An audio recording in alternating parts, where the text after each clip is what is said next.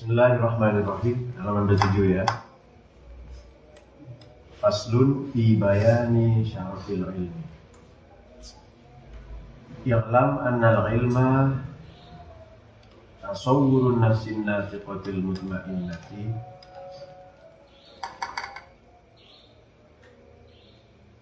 Haqaiqil asya'i wa suwarihal mujarradati anil mawadi bi a'yaniha wa kayfiyatiha wa kimiyatiha wa jawahiriha wa dawatiha in kanat mufradatan. Wal alimu wal muhitul mudrikul mutasawwiru wal ma'lumu wa dhatu syai' allati yantakishu ilmuhu fin nafsi. Bismillahirrahmanirrahim. Pasal ini menjelaskan tentang kemuliaan keagungan, keutamaan, dan keistimewaan ilmu. Ketahuilah, kenal ilmu sungguhnya ilmu pengetahuan adalah tasawwurun nafsin natiqati adalah pengetahuan adalah sesungguhnya ilmu adalah gambaran jiwa an-natiqati yang cerdas al-mutmainnati yang tenang al-mutmainnati haqaiqil asya wa haqaiqil asya uh, Sesungguhnya ilmu adalah gambaran tentang jiwa yang cerdas atau ekspresi jiwa yang cerdas, ekspresi saja ya, yang tenang terhadap substansi atau hakikat-hakikat segala sesuatu.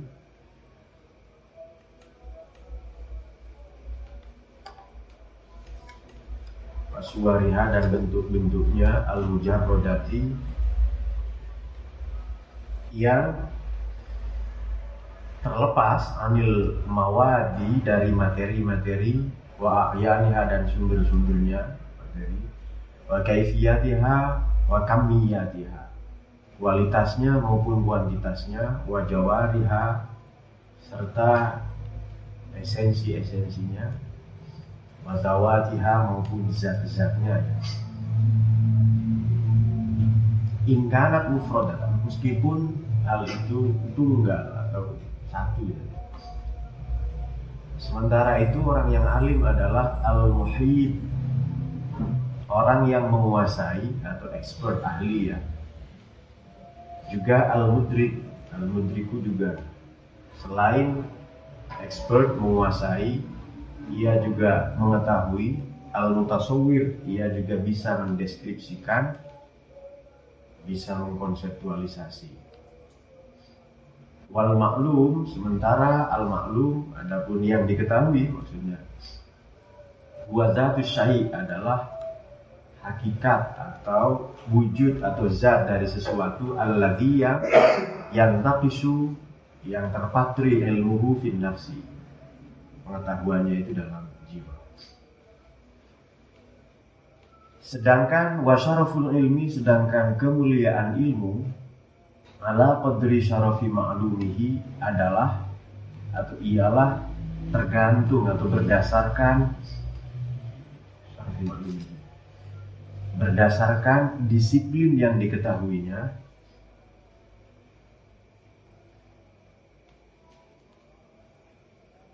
wa rutbatil ali wa rutbatul alimi takunu bihasbi rutbatil ilmi.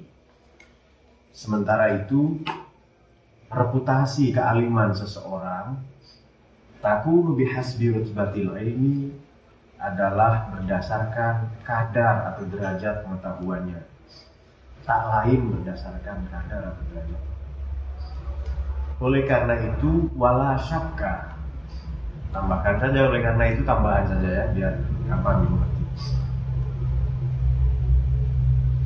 Wala syakka, sama sekali. Oleh karena itu sama sekali tak ada kebimbangan anna afdolal maklumat sesungguhnya atau bahwa keutamaan ilmu-ilmu, keutamaan yang diketahui atau keutamaan ilmu adalah oh, belum belum adalah ya. wa alaha keluhurannya wa asyrafaha kemuliaannya wa ajallaha sama ya ketinggiannya keagungannya adalah huwallah adalah ilmu tentang Tuhan atau tentang Allah Sonic yang maha menciptakan Al-Mubdi yang maha mengadakan hal-hal yang baru Al-Haq Al-Wahid yang maha benar dan maha esa. Fa'ilmuhu maka pengetahuan yang demikian itu bahwa tak lain adalah ilmu tauhid adalah ilmu tauhid. Yang mana afdalul ulum merupakan pengetahuan yang paling utama.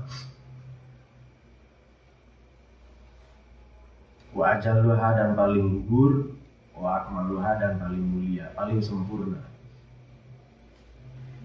wa hadzal ilmu adapun ilmu ini pengetahuan jenis ini kategori ini Doruriyun wajib. Sangat urgen, sangat wajib. Doruriyun adalah pengetahuan yang sangat penting Sangat urgen, mendesak. Wajib tahsiluhu ala jami'il ukhala Yang wajib mempelajarinya Memperolehnya, menguasainya, mengetahuinya. Ala jami'il ukhala Pada setiap pribadi yang cerdas Kama qala sahibu syar'i sebagaimana disampaikan oleh pemilik syariat maksudnya Nabi Nabi alaihi salatu wassalam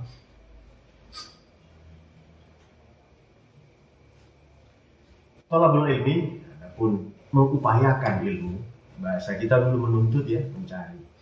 Ya, kok dituntut ya punya kesalahan apa? Ya mengupayakan mencari Tuh, belum siap jadi ilmuwan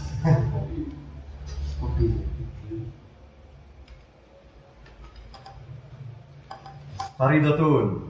Adalah fardu wajib perlu bagi muslimin bagi pribadi yang muslim.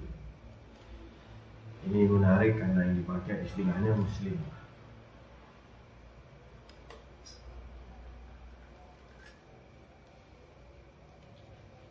setiap orang menghasrati pengetahuan. Demikian kata Aristoteles Wa amaro dan memerintahkan di safari. Siapa kanjeng Nabi maksudnya?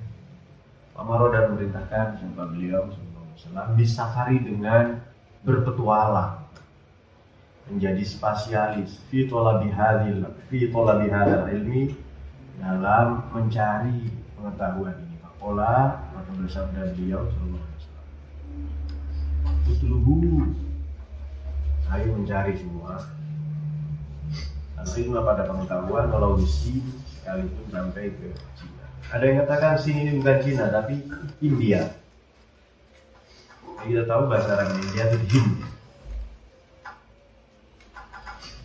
Iya. Nah ini yang kemudian banyak dikritik ya. Kalau tadi jauh Ibnu Majah. Tahu kan hadis lagi ya. Dalam dalam Ibnu Majah hadis yang ke 224 Abu Ya'la 2903 Al-Qobroni dalam Ausa 3462 dalam Al-Baihaqi itu 1660 dari sahabat Anas radhiyallahu Tapi menurut Imam Nawawi ini dhaif. Karena maknahu sahih. Lantas kalau yang barusan itu tuhil bisin itu akhrajahu al-Uqaili fi Dhafa juz 2 halaman 230. Dhaif uh, Ibnu Adi fil Kamil. Kemudian Al Baihaqi itu hadis yang ke 1663 lagi dari sana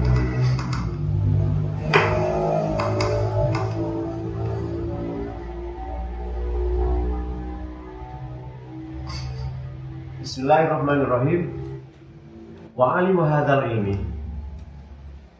afdalul ulama bihadas wa bihada sabab khassahu Allah taala bidzikri fi ajalil marati faqala orang yang alim di bidang ini maksudnya di bidang ilmu ini adalah afdalul ulama. Ulama yang paling mulia yang paling utama.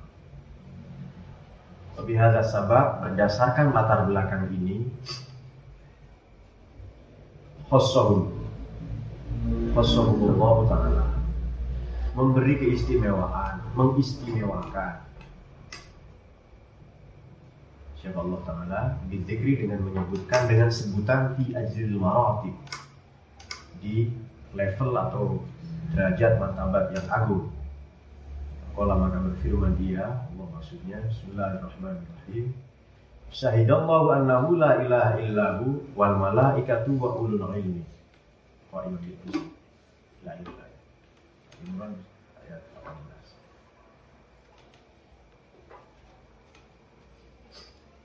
18. Syahidah maknanya bisa menerangkan, menyatakan atau menyaksikan.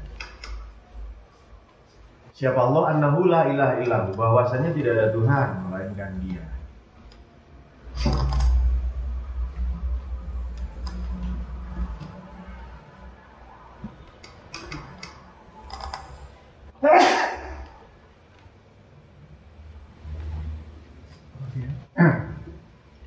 Baik, kita teruskan. Allah memberi persaksian bahwasanya la ilaha illahu, tidak ada Tuhan melainkan Dia. Wal malaikatu wa ulul ilmi qa'iman bil Dalam menentukan apa? Sikap adil. Ini semata-mata Allah ingin menegaskan bahwa kesaksian persaksian orang yang berilmu itu sama setara ya dengan persaksian para malaikat dan persaksian Allah dalam hal apa terutama dalam konteks la ilaha illallah dalam konteks ketauhidan dan kita tahu penghulu panglima atau pemimpin dari segala ilmu boleh dikatakan juga pilar dari segala ilmu ya apa fondasi adalah tauhid itu sendiri.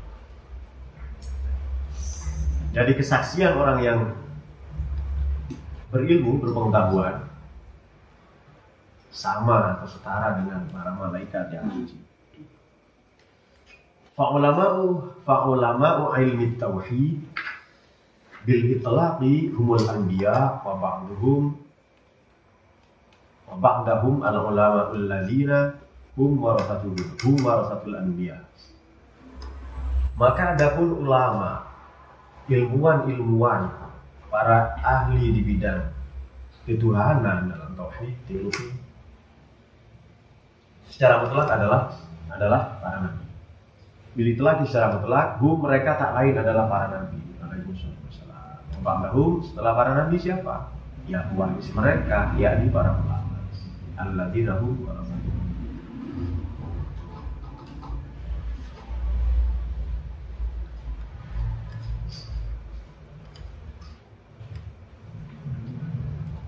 lantas lantas uh, uh, uh, wahadal ilmu an inkana syarifan fi kamilan fi nafsihi adapun ilmu ini meskipun karena sekalipun syarifan mulia fi pada hakikatnya substansinya kamilan ia juga sempurna fi dengan sendirinya tetapi layan sa ulum tidak mungkin ia ilmu tauhid tadi itu mengingkari sairul ulum pada seluruh ilmu pengetahuan atau disiplin-disiplin ilmu yang lain. Bal bahkan la hasolah hasilu la hasilu illa tidak bisa diperoleh ia kecuali bimuqaddimatin kathiratin kecuali dengan keterampilan atau kemampuan-kemampuan dasar. Pengantar ini maksudnya kemampuan-kemampuan dasar yang banyak.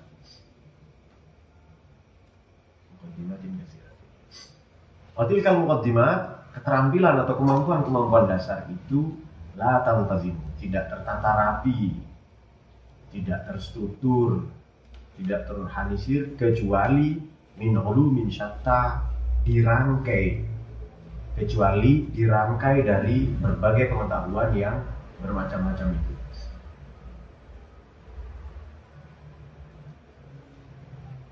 Misalnya Mislah ilmi samawat, ilmu tentang langit-langit. Ya. Ilmu tentang antariksa. Flash, ilmu astronomi, astronomi. Wa alima dan mengetahui jami al masnuat pada pada uh,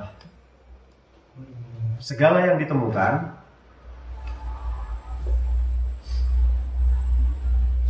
bikin ya buat. Apa ilmu terapan ya. Ini di dalamnya termasuk ilmu-ilmu uh, mesin-mesin apa itu teknik sipil, arsitektur dan lain-lain.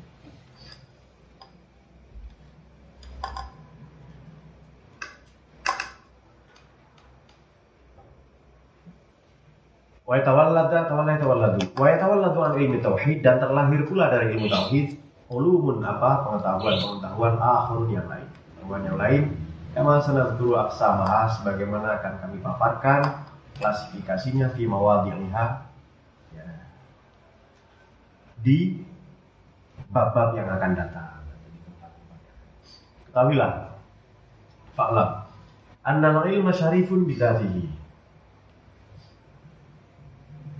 Ini menarik karena ilmu-ilmu yang lain dianggap terlahir dari ilmu tauhid.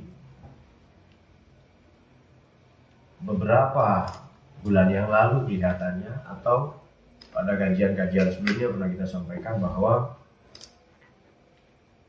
uh,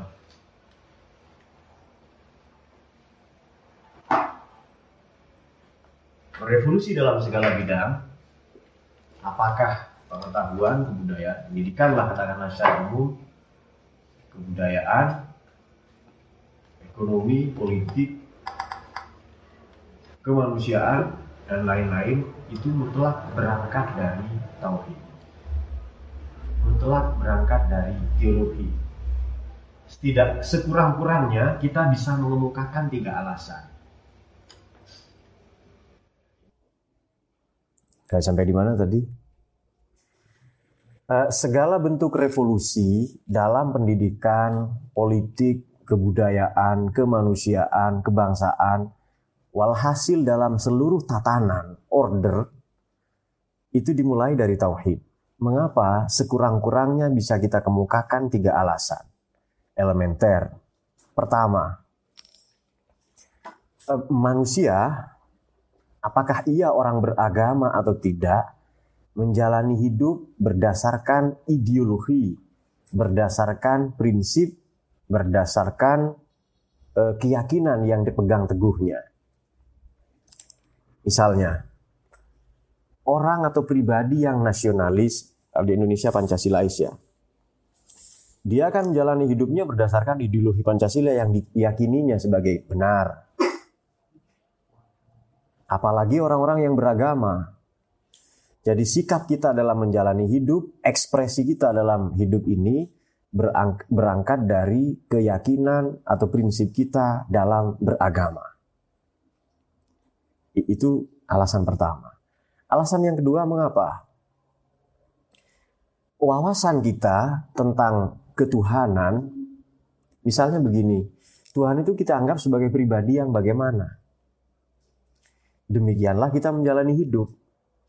Ada saudara kita yang sikapnya dalam beragama, berkehidupan sosial, bermuamalat misalnya, seolah-olah ia menjadi satpamnya agama.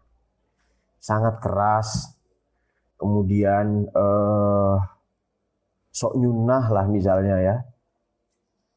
Tadinya drama Korea tapi hijrah. Itu semata-mata karena ia menganggap Tuhan demikian. Kalau kita menganggap Tuhan itu pendera, penyiksa, maka demikianlah sikap kita menjalani hidup berperilaku kepada sesama manusia. Kalau kita menganggap Tuhan ini pemaaf, penyayang, pelimpah cinta kasih, maka demikianlah kita berperilaku dalam segala bidang, dalam politik, agama, dalam dalam apa saja.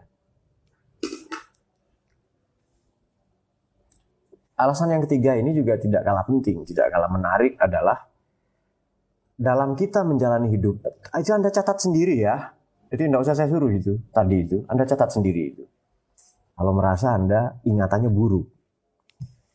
Bisa Anda temukan alasan yang lain, 17 Pak, silahkan. Itu sekurang-kurangnya saya sebutkan tiga. Nah, alasan yang ketiga adalah lazimnya manusia membangun peradaban itu dimulai dari mana? Coba Harus, dimulai dari mana ini? Dari peradaban dari menulis. Itu karena Anda nyontek quote itu kan? Ya boleh. Orang membangun peradaban ini dari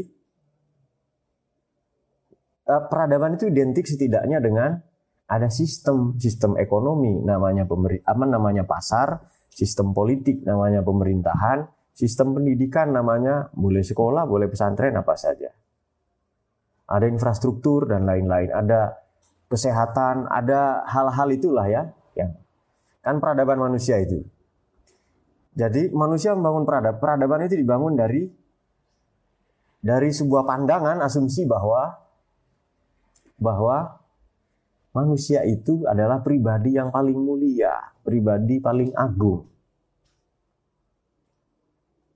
Kan peradaban kan mutaadib, orang yang beradab. Tidak mungkin dia nyolong atau menyakiti binatang. Kenapa?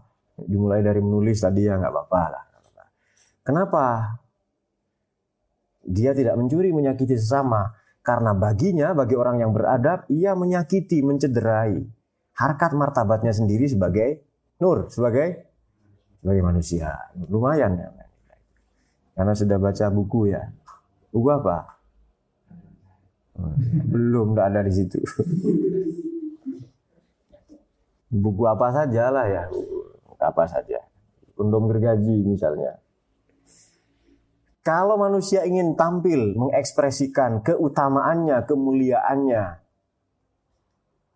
dalam ini boleh dikatakan subjektivitasnya ya, logosnya, maka apa pun yang disentuhnya, misalnya menyentuh ekonomi, maka ekonomi ini simbol peradaban manusia. Maka ekonomi yang dibangun pasti muid sulit memang. Coba Heri, pasti eh, ya nih, pasti mencerminkan mencerminkan kemanusiaan. Coba ekonomi kita manusiawi atau tidak? Berarti tidak beradab di situ. Kan muta'adib, orang yang beradab, terdidik, ya kan? Pribadi yang agung, paripurna, mulia. Tapi sistem ekonominya, sistem ekonomi setan misalnya. Jelas tidak manusiawi. Pendidikan kita manusiawi atau tidak? Kenapa yang sekolah yang mampu berkesempatan boleh belajar di sekolah-sekolah favorit hanya Zen apa? Hanya orang kaya. Kenapa? Berarti tidak manusiawi itu pendidikan. Sudah paham ya? Sekurang-kurangnya ada tiga alasan itu. Nanti kita pikirkan lagi alasan yang lain. Jadi kalau Anda Anda bisa jadikan skripsi, bahkan tesis itu. Pandangan seperti itu loh ya, ide-ide seperti itu. Oleh karena itu, revolusi dalam segala hal dimulai dari tauhid. Maka di sini dikatakan, dikatakan Wa yatawalladu an ilmi tauhid akan terlahir dari ilmu tauhid itu ulumun akhor. Disiplin-disiplin ilmu yang lain.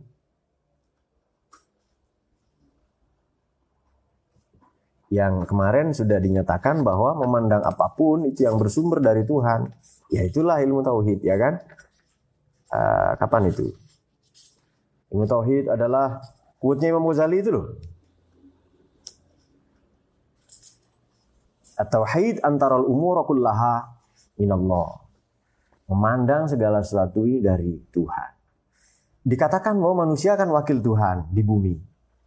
Ya seharusnya ekspresi kita memancarkan, menyebarluaskan nilai-nilai ketuhanan.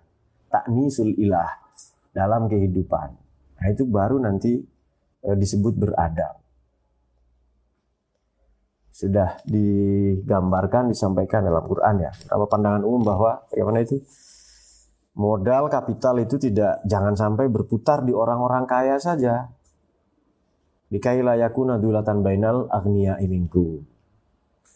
Jangan sampai modal sosial kapital ini berkisar berputar perputaran uang itu di Indonesia 80 sampai 83 persen di Jakarta itu artinya 17 sampai 20 persen di seluruh daerah selain Jakarta.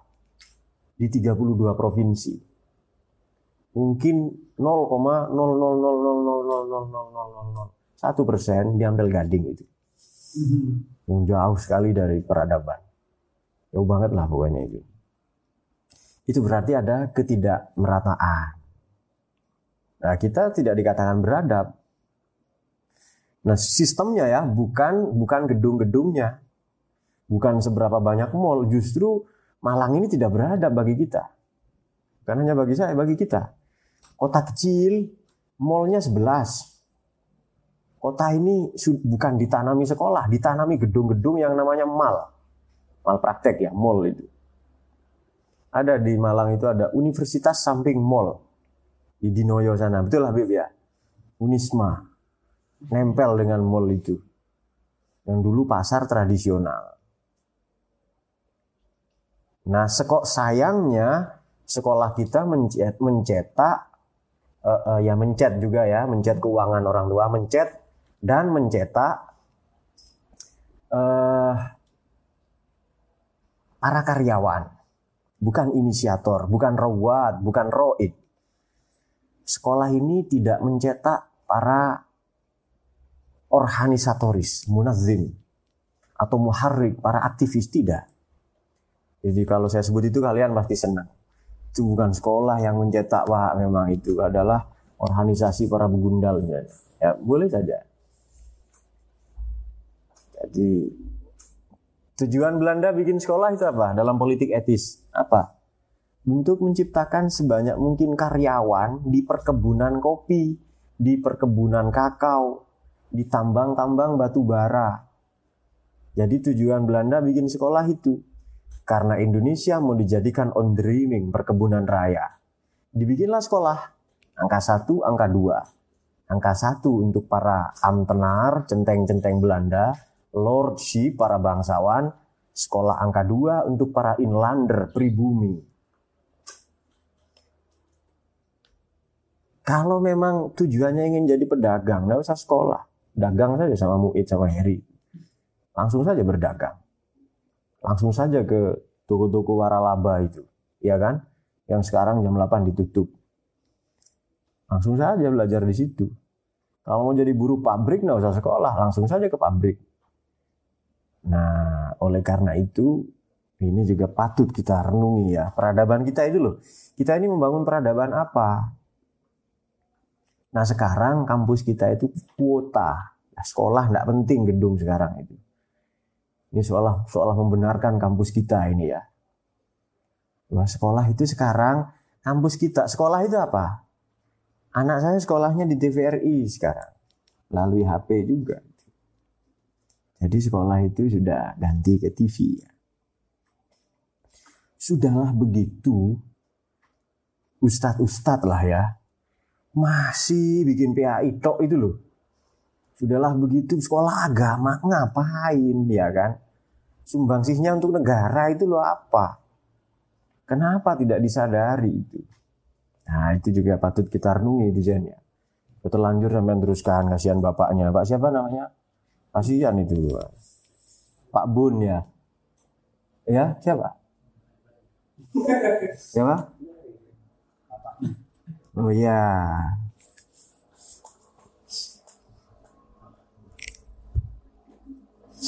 Iya Pak Bun kan dulu kan ngajarin Anda bacaan Quran kan, an in un ban bin bun ya kan kan itu kan. Kan guru ngaji bapaknya kan.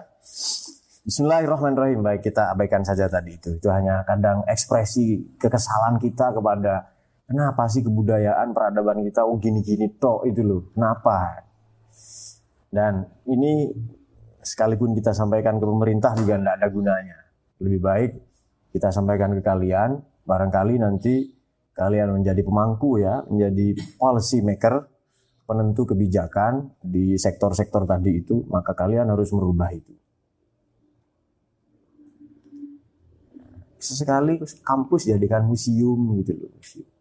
kolam pancing ya kayak yang yang keren-keren sedikit lah, memancing gitu mau mana mancing di sana.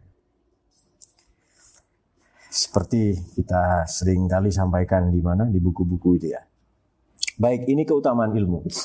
Di, di Indonesia belum ada sekolahnya, tapi prakteknya ada. Artinya ada sekolah, eh, artinya ada ini diteruskan ya, diregenerasikan, tapi sekolahnya tidak ada secara formal. Apa itu ilmu yang akan kita baca? Fa'lam annala ilma, sungguhnya ketahuilah bahwa ilmu itu one thing that you have to know, seolah-olah demikian kata beliau ya. Uh, sungguhnya ilmu itu syarifun bidzatihi. Ia mulia pada zatnya pada hakikatnya dia mulia. Min ghairi nazorin ila jihatil ma'lum. Tanpa memandang menilai mempertimbangkan dari sisi mana ia diketahui. Min ghairi nazorin ila jihatil tanpa memandang dari sisi mana ia diketahui. Hatta anna ilma anna ilma sihar bahkan ilmu sihir pun itu syarifun bidzatihi pada hakikatnya sebenarnya itu mulia. Wa in kana batilan sekalipun batil. Ini kan tidak ada sekolahnya kan? Tapi ada terus. Coba hari itu ada. Coba ke selatan-selatan Pulau Jawa itu banyak sekali. Ilmu ilmu seperti ini. Mungkin bulan puasa libur ya sementara. Lockdown nanti rame lagi habis lebaran nanti. Tidak ada sekolahnya tapi di Eropa ada. Fakultas ilmu ini ya, ilmu magic ini. Ya, wadzalika annal ilma diddul jahl. Dan yang demikian itu oleh karena atau uh, yang demikian itu adalah bahwasannya atau oleh karena ilmu adalah antonim. Ilmu adalah opposite dari kebodohan. Wal jahlu min lawazimiz zulmah. Adapun kebodohan itu tak lain adalah atau bahagian dari min lawazimi zulma. Sesuatu yang tak bisa terhindar dari kegelapan atau sudah dari sebahagian dari watak-wataknya atau ciri khasnya kegelapan. Wazulmatu min hayzis sukun. Nah, kegelapan itu apa? Adalah uh, sesuatu yang statis termasuk atau bahagian dari satu yang statis. Wasukun, adapun satu yang statis itu koribun minal adam. Dekat atau identik dengan ketiadaan. Waya kaul batil wa Di mana kebatilan dan kesesatan fi hadzal qism berada dalam klasifikasi atau ranah ini. Ini bahasanya keren ya, seperti Kadang kita menulis itu di buku itu. Untuk menemukan Anda harus mencari.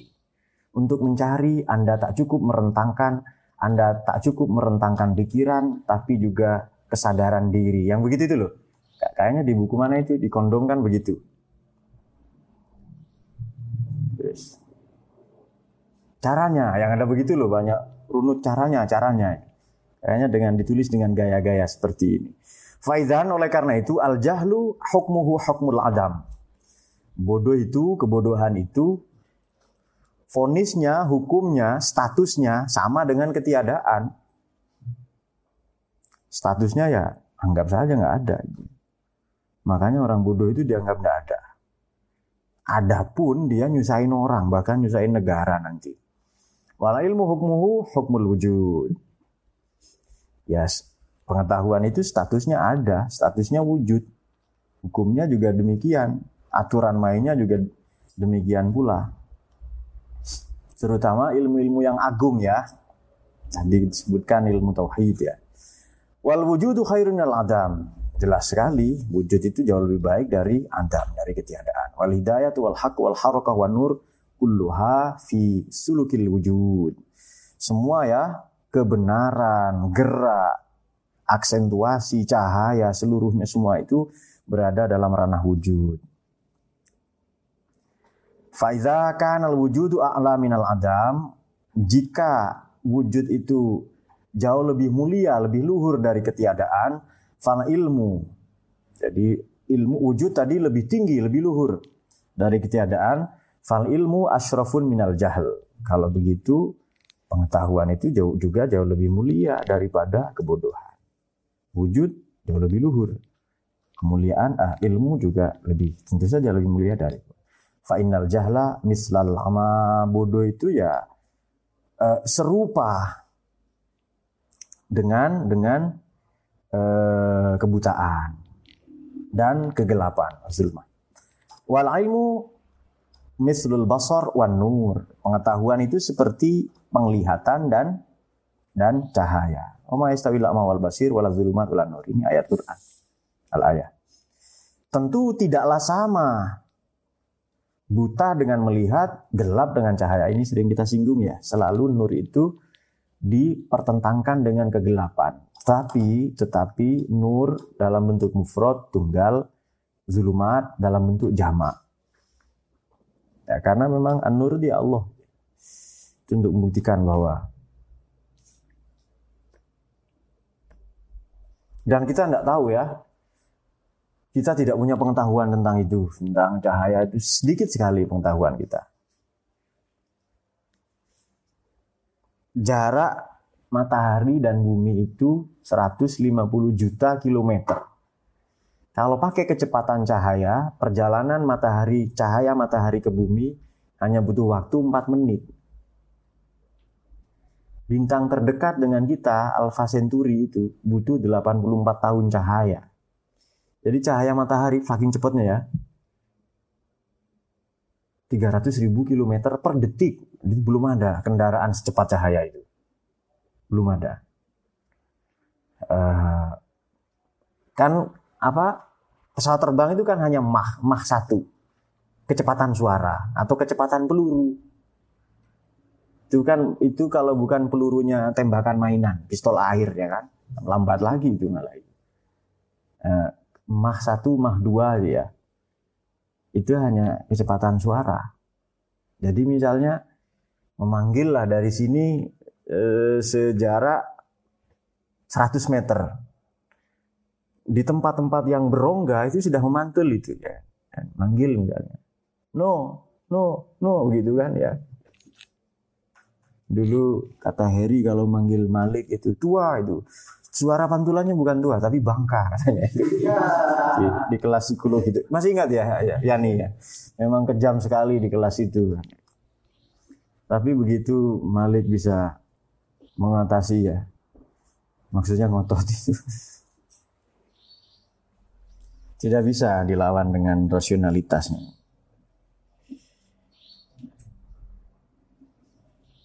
Nanti kita kabari supaya ikut ngaji lagi. Wa soroha subhanahu wa ta'ala bihadil isyarati faqala. Dan menjelaskan beliau ya, memaparkan, menjelaskan, menjabarkan Allah subhanahu wa ta'ala pada isyarat ini, kul hal yasawil ladina ya, lamun wal ya. Ini boleh nanti dibahas oleh teman-teman sedikit ya. Ini sudah kerap kali kita atau boleh nanti kita diskusikan kerap kali kita sampaikan atau disinggung dalam diskusi-diskusi kalian. Ya, orang berilmu dengan tidak berilmu jelas tidak sama. Tidak setara. Surat Az-Zumar. Kisah yang menarik adalah pernyataan Sayyidina Ali ketika ada seorang koleha dari kalangan Yahudi datang ke beliau, 10 orang menanyakan keutamaan ilmu kepada beliau dibanding harta benda. Kemudian beliau menjawab dengan jawaban yang berbeda-beda. Ilmu lebih utama dari harta. Ilmu itu menjagamu. Harta justru kamu yang harus menjaga. Ilmu ini warisan para nabi, harta warisan Fir'aun dan Korun. Terus begitu ya. Bahkan beliau radhiyallahu an menyatakan bahwa kalau kamu datangkan seribu orang kepada saya dengan pertanyaan yang berbeda-beda perihal ilmu, eh, dengan pertanyaan yang sama perihal ilmu, akan saya jawab dengan jawaban yang berbeda-beda perihal keutamaan ilmu. Itu karena betapa istimewanya ya ilmu. Karena memang dari Allah itu. Kebodohan dari Fauzi sementara ini. Dari Fauzi tapi kalau dia ngaji terus ya berkurang nanti. Fauzi itu kan artinya beruntung ya. Ya beruntung dia ngaji di sini. Kalau enggak kita nggak tahu sudah bagaimana. Yang bodoh saja diikuti orang kok. Memang ada pepatah Arab itu kullu sakit laki benda yang jatuh ada yang memungut. Begitu pula kebodohan. Ada yang memungut itu. Karena ada kuatnya kan. Itu kuat mencerminkan dia sendiri. Anda bisa mempelajari orang ini dari tutur katanya, juga dari quote-nya. Kalau quote-nya bulat, bulat itu apa? Rumit lah ya, demikian orangnya. Quote-nya kan panjang-panjang kan. Sebenarnya dia mau bilang saya bodoh, itu kan cuma itu kan ya. Betul ya? Yang melingkar-lingkar itu loh, yang berputar-putar itu. Belajarlah karena kebodohan adalah saya dan dimulai dari saya. Bagaimana itu yang muter-muter itu loh? Nah, nanti coba tengok itu. Lalu dikasih pemanis, ada gambar, dia baca buku ya kan? Nah, itu, itu pemanis saja. Tapi nggak apa-apa, itu udah. Memang usianya usia begitu, masih pubernya di sana. Tapi Fauzi ini pernah menggantikan saya misi kuliah apa? Sekolah epistemologi. Itu keren itu. Yang lain belum kan? Umar Gono sudah. Berarti setara. Mau kuliah alias tawi itu. Surabaya. Surab, apalagi Surabaya ya kan? Surabaya lebih keren dari mana waktu itu? Mana yang Fauzi sama Sipul itu? Ah, Blitar. Lebih keren dari itu. Nah, Cerita. Oh sedikit lagi ternyata nanti kita. Eh, baik, Bismillahirrahmanirrahim. Fa idza kana la il fa idza kana la ilmu khairon minal jahli wal jahlu minan min lawazimil jismi wal ilmi min sifatin nafsi fan nafsu asyrafu minal jism. Bila ada oh apabila, nah, apabila saja. Oh ini lalu jadi rumus. Seolah-olah beliau berkata begini. Jadi kalau dirumuskan, nah seolah-olah ada kata-kata seperti itu. Seolah-olah ya. Jadi kalau dirumuskan, dikonseptualisasi ya, dibikin pattern. Bahwa apabila ilmu itu jauh lebih baik dari kebodohan, dan kebodohan min lawazimil jism, adalah watak dasariah dari jisim. Tadi lawazim apa? Ya pokoknya itulah, nanti pilih sendiri watak dasariah dari jisim, sementara ilmu min sifatin nafas, ada ilmu termasuk dari atribut-atribut jiwa. Fan nafsu asyrafu minal jism, jiwa itu rohani itu, ya jiwa saja lebih mulia daripada jisim. Walil ilmi aksamun kathiratu. Dan ialah bagi pengetahuan aksamun adapun pembahagian atau klasifikasi-klasifikasi yang banyak nuhsiha yang akan kami paparkan jelaskan di faslin akhir pada kesempatan atau pasal yang lain. Walil alim fi talabil ilmi turukun madidatun. Dan bagi seorang bagi seorang terdidik terpelajar well educated dalam menuntut ilmu ada jalan, cara, metode metodologi yang bermacam-macam. Nazkuruha fi faslin akhir. Insyaallah kami paparkan di pasal yang lain. Walan sekarang La yata'ayyanu alaika sin kuanon ba'da ma'rifati fadlil ilmi. Ya kalau begitu tidak boleh tidak. Bagi Anda setelah mengetahui keutamaan ilmu ini ba'da ma'rifati. Makanya bahasa Jawa mata itu meripat. Bahasa yang halus ya, kromo itu. Ma'rifat. Yang istilah kemarin itu loh, istilah ah, nanti kita teruskan sedikit yang uh, mengetahui dengan mengalami langsung itu jauh sama sekali berbeda. Allati hiya. Tidak boleh tidak bagi kita pasca setelah mengetahui ilmu ini, uh, mengetahui keutamaan ilmu tersebut. Karena ini fi syarafil ilmi tadi babnya pasalnya. Uh, uh, uh, illa ma'rifatun nafas. Kecuali mengetahui diri jiwa. Allati hiya yang tak lain adalah uh, uh, uh, apa ya? Bank data adalah database-nya pengetahuan tempat banknya lah ya. Bank datanya pengetahuan wa wa apa? Tempat bersemayamnya ilmu wa dan tempat di mana ilmu itu di disimpan.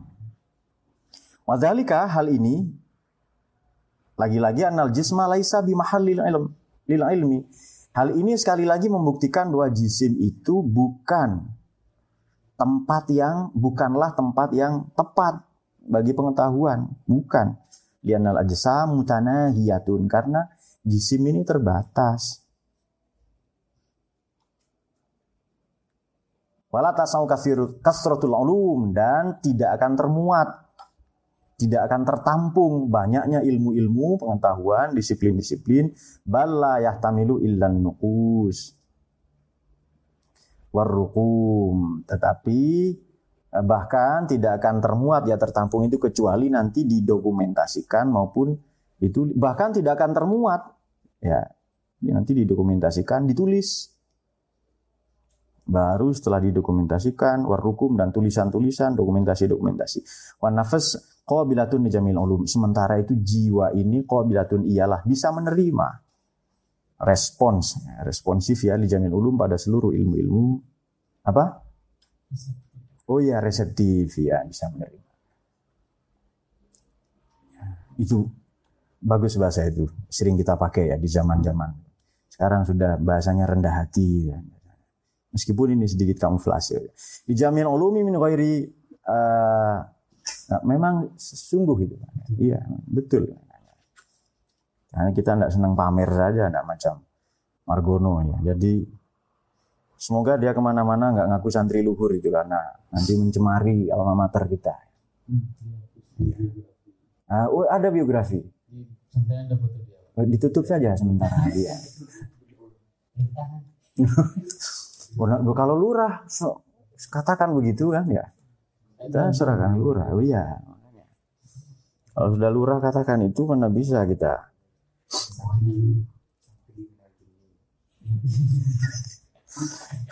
oh termasuk yang Australia. Mial jinni wal insi ya. Ya. Wan nafsu adapun jiwa ini qabilatun ialah sedemikian reseptif tadi. Bahasa menerima ini bahasanya mu'id lah ya, bisa menerima dijamin ulum pada seluruh korpus, seluruh disiplin ilmu min ghairi umaniatin tanpa penolakan. Carikan bahasa yang bagus itu juga bisa nanti ya. Tanpa penolakan atau tanpa batas bisa. Uh, wala muzahamah dan muzahamah ini rivalitas kalau tidak salah. Nanti cari lagi. Wamilal, wamilal ini dan jemu, tidak ada rivalitas, tidak ada, pokoknya jiwa itu terima semua oleh jiwa. Ya? Oh iya malal, jemu. Oh ya. Bisa juga diartikan milah ya dengan tidak berkelompok-kelompok bisa tanpa eh, perbedaan-perbedaan. Wazawal dan tidak pula bisa lenyap. Wa nahnu natakallamu fi syarhin nafas dan kami memperbincangkan, mendiskusikan dalam syarah dalam penjelasan jiwa ini ala sabilil ikhtisar. Ya, dengan cara yang ringkas ini kami bicara singkat saja. Mungkin kalau bicara selengkapnya panjang lebar kata. Karena memang ini risalah. Ya, catatan singkat ya untuk makalah lah lebih kurang pada orang yang membutuhkan.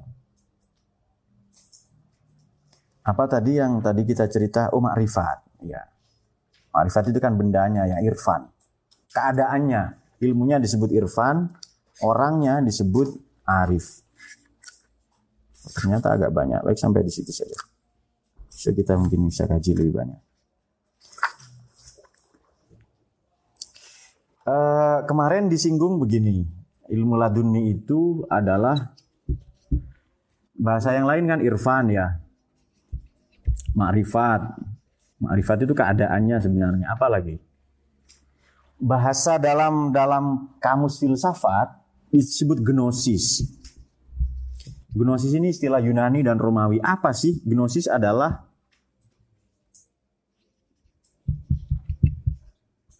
Scientia sakra, ilmu yang luhur, ilmu yang sakral. Ini lawan kata dari ilmu profan ilmu yang sakral lah, sayentia sakra ini. Apa sebab? Ia diperoleh langsung. Makanya istilah lain dari laduni itu isyrok, ya, faid. Ini istilah filsafat semua. Ini Suhrawardi, faid adalah emanasi al-farabi ya. Doruri, um, apa khuduri. Silakan teman-teman pakai bahasa apa tapi kita bisa zauk juga. Ada zauk ini juga terma-terma yang mengindikasikan kata 16 ya kata Imam Asyubki ya. Baik, kita bisa bisa katakan begini sedikit ya sebelum kita nanti mungkin teman-teman ada pertanyaan. Uh,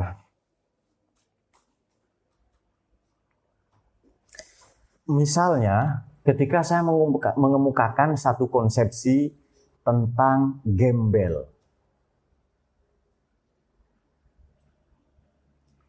Tentu teman-teman langsung memahami gembel itu apa. Coba Zen apa Zen? Gembel itu Zen. Apa? Kurang rapi.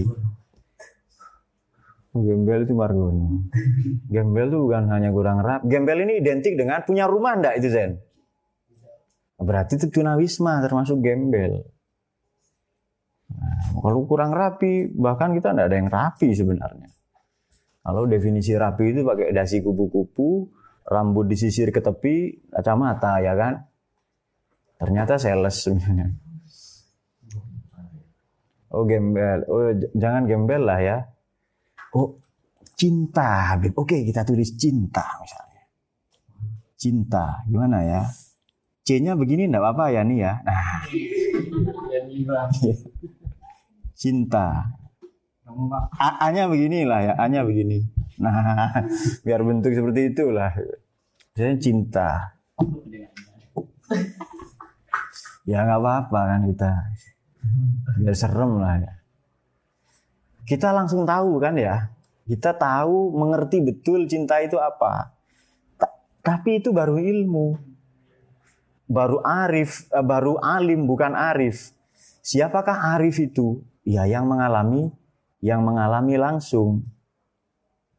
Contoh lain misalnya saya sebutkan uh, korupsi. Tentu kita tahu.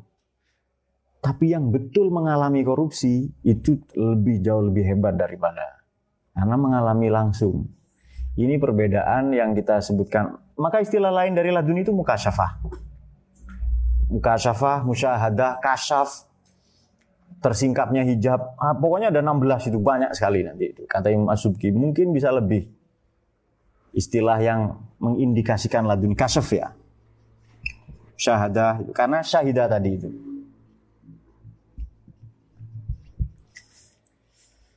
Dan uh, dalam dalam dalam uh, jagat kosmik misalnya apa ayat tentang bersama ibat torik itu loh, ma adraka ma torik ya najm tsaqib. Bahkan Tuhan bertanya, Apakah kamu manusia am asyaddu khalqan amis sama ubanaha? Apakah kamu manusia yang hebat, yang kuat, yang istimewa atau langit yang kita bangun dengan segenap keindahannya, keistimewaannya itu? Itu Tuhan langsung bertanya demikian. Lalu disusul ayat yang lain bersama iwatorik madroka. Oh madroka tidak mungkin kita tahu tentang bintang itu. Bahkan di Burda itu kita bintang kan, itu disebut apa? Uh, uh, uh, bintang itu juga sebagai sebagai rajam untuk serangan untuk para jin itu ya, virus ya wal jinnu tahtif wal ah itu. Ya selain sebagai hiasan langit, selain sebagai arah, kalau kita ke mana kan dulu pakai bintang semua kan, pelayaran, navigasi macam-macam. Bahkan sampai sekarang. Juga sebagai ya ketika malam Nabi lahir itu jin itu diusir semua dari dari langit itu. Lalu sebagian ada di pesantren kita. Di, di, diusir semua ya, diusir diusir. Saya nggak tahu kenapa Andi sampai sekejam itu ya. Memang watak dasarnya begitu. Nah, inilah pentingnya bahwa mengalami jauh lebih penting daripada mengetahui. Meskipun demikian, ini semuanya melanjutkan yang kemarin, dalam bab yang ini keutamaan ilmu, ilmu sihir pun itu loh mulia sebenarnya. Mungkin juga sudah pernah kita singgung, kalau ada orang berilmu dia dimuliakan orang, bukan karena dia, karena ilmunya. Kalau ada orang berharta, dia dihormati orang karena dermawan dan macam-macam. itu juga bukan karena dia tapi karena hartanya. Kalau dia punya jabatan lalu orang datang berduyun-duyun kepadanya minta tolong dan sebagainya, itu juga bukan karena dia karena ya jabatan yang dititipkan Allah kepadanya. Walhasil kita tidak punya apa-apa. Kita disebut soim karena kita puasa karena puasanya berarti disebut hamalatul Quran, dia hafal Quran, perilakunya seperti Quran. Karena Qurannya bukan karena dia. Walhasil kesimpulannya berarti kita tidak punya apa-apa. Apa yang kita punya kalau begitu? Nah, jika demikian, jika kita tidak punya apa-apa, maka seharusnya dalam berderma ya, zakatnya orang berilmu kan mengajar itu. Ya, dalam berderma, berbagi, berbagi lagi-lagi berbagi ini kalau Ustadz Yani ya. Ini untuk kamu semua katanya itu. Apa bungkul? Bungkul itu apa? Seutuhnya. Bungkol ya, seutuhnya. Iya, sudah seutuhnya lah itu. Betul lah Habib ya. Jadi diberikan semua itu. Hanya menarik ini macam bisa mengalahkan logonya slang nanti itu ya.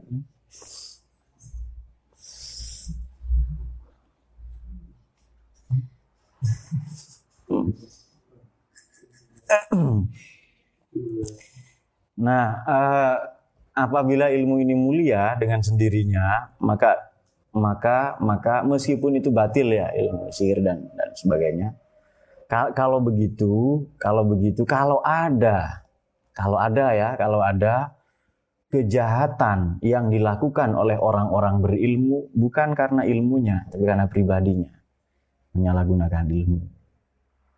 Kalau begitu pandangan yang objektif adalah bukan bukan filsafatnya tapi filosofnya bukan ahli ilmu kalam, eh, bukan ilmunya tapi orangnya mutakallimnya. Itu pandangan yang objektif ya. ada orang alim kok perilakunya begini. Itu bukan ilmunya tapi perilaku orangnya. Yang ia menyalahgunakan pengetahuan yang dimiliki. Itu catatan pertama. Ini baru diceritakan ke kemuliaan ilmunya. Kulah yang namun Bahkan sekarang ilmu tentang kejahatan itu sudah diajarkan di sekolah-sekolah. Kriminologi dan viktimologi. Ilmu tentang kejahatan dan ilmu tentang korban. Kri kalau Margono dan Zen kan mukanya sudah kriminal itu. Di film Warkop kriminal katanya dia. Kasih nama kriminologi. Ilmu tentang kejahatan, logos kan ilmunya. Kemudian viktimologi dari kata victim. Victim ini korban. Nah ini lagi-lagi ya kan. Peci merah ini saya enggak sebut lah. Viktimologi dari kata victim. Victim ini bahasa Inggris maknanya korban. Misalnya begini.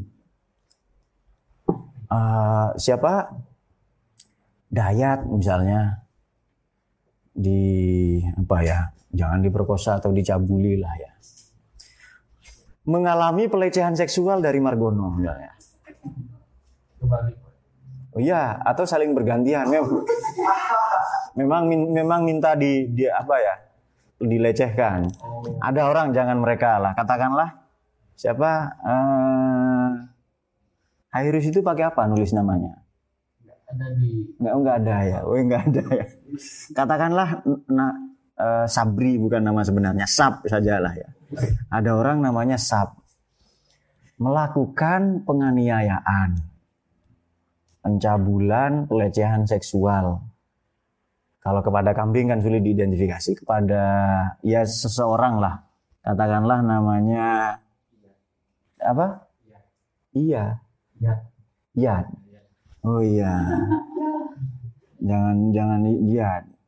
Dai misalnya, kata dai. Ini menganiaya ini. Simbolnya pedang atau keris lah ya. Keris lah pokoknya begini.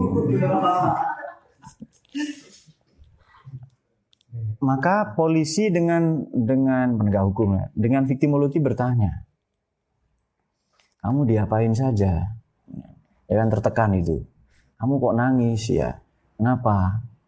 Kemudian ini ilmu tentang viktimologi. Kamu ditanya nanti kejadiannya bagaimana, kapan, kamu diancam atau tidak, dan ini tidak disiarkan kepada tidak disebarkan kepada orang-orang pasti tertutup interogasi itu.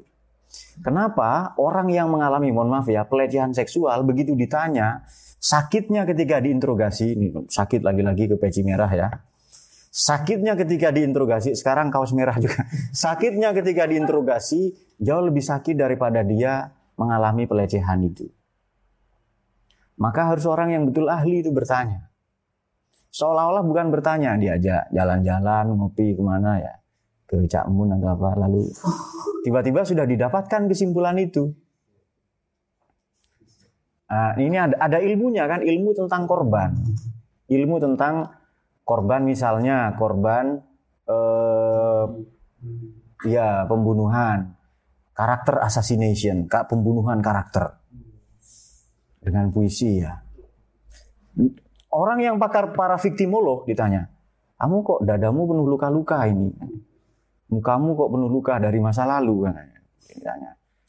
Korban apa? Korban puisi ya, ditanya.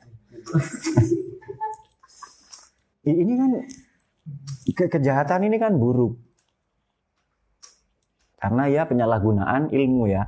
Tapi sekarang ada sekolahnya. Karena itu dibutuhkan. Kriminologi tadi itu. Banyak lah para kriminolog ini bahkan banyak yang perempuan. Kenapa? Karena banyak fakta di lapangan, mutilasi, sorry ya, mutilasi itu dilakukan oleh perempuan paling banyak.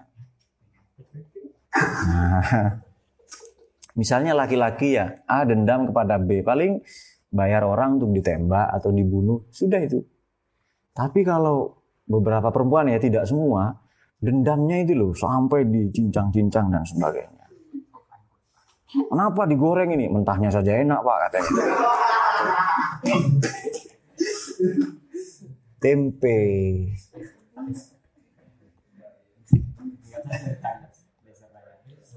Oh bayar besok itu. Jadi ilmu laduni nggak paham-paham. Cerita itu langsung ketawa ya. Nah, baik itu sekilas mengenai. Oh ya, satu lagi tentang keutamaan ilmu ini ya.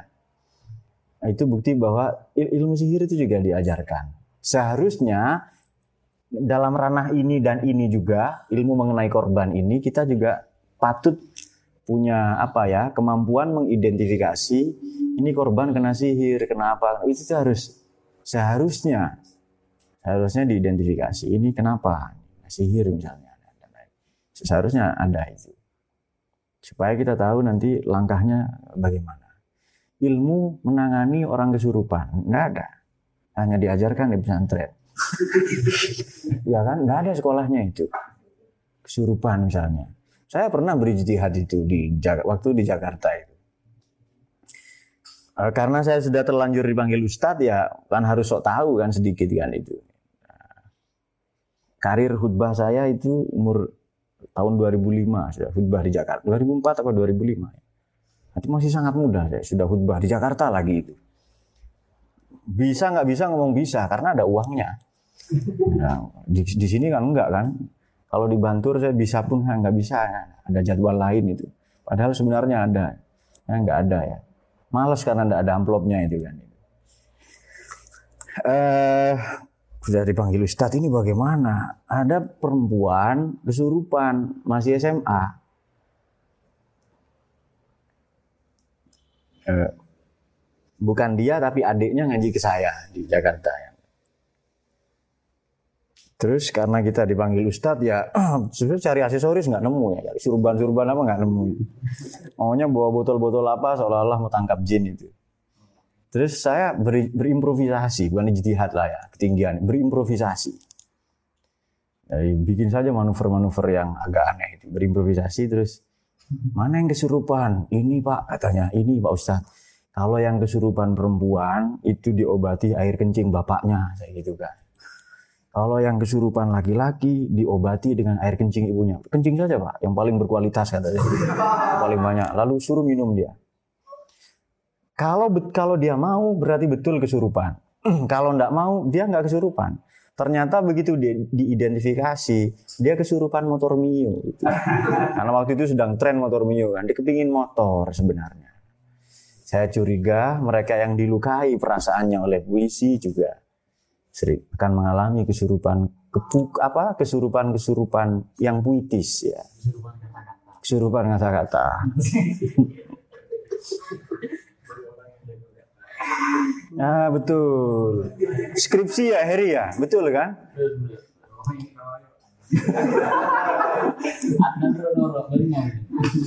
Udah banyak Ustadz itu musuhnya itu nanti tolong diselesaikan secara pribadi.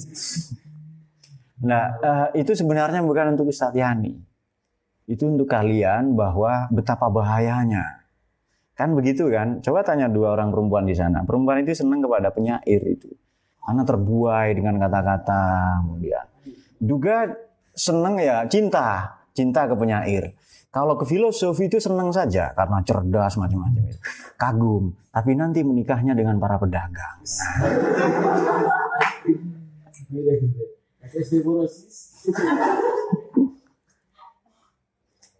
Itu pertanyaannya sederhana. Puisi tidak bikin kenyang, kemudian filsafat justru bikin sengsara. Ya kan? Lebih baik milih pedagang. Jelas kan ada bakso tiap hari kan ada nasi goreng dan saya. Allah alam bisawab. Allah yafiquna ila sabilillah. Al-mursalin lah minggu.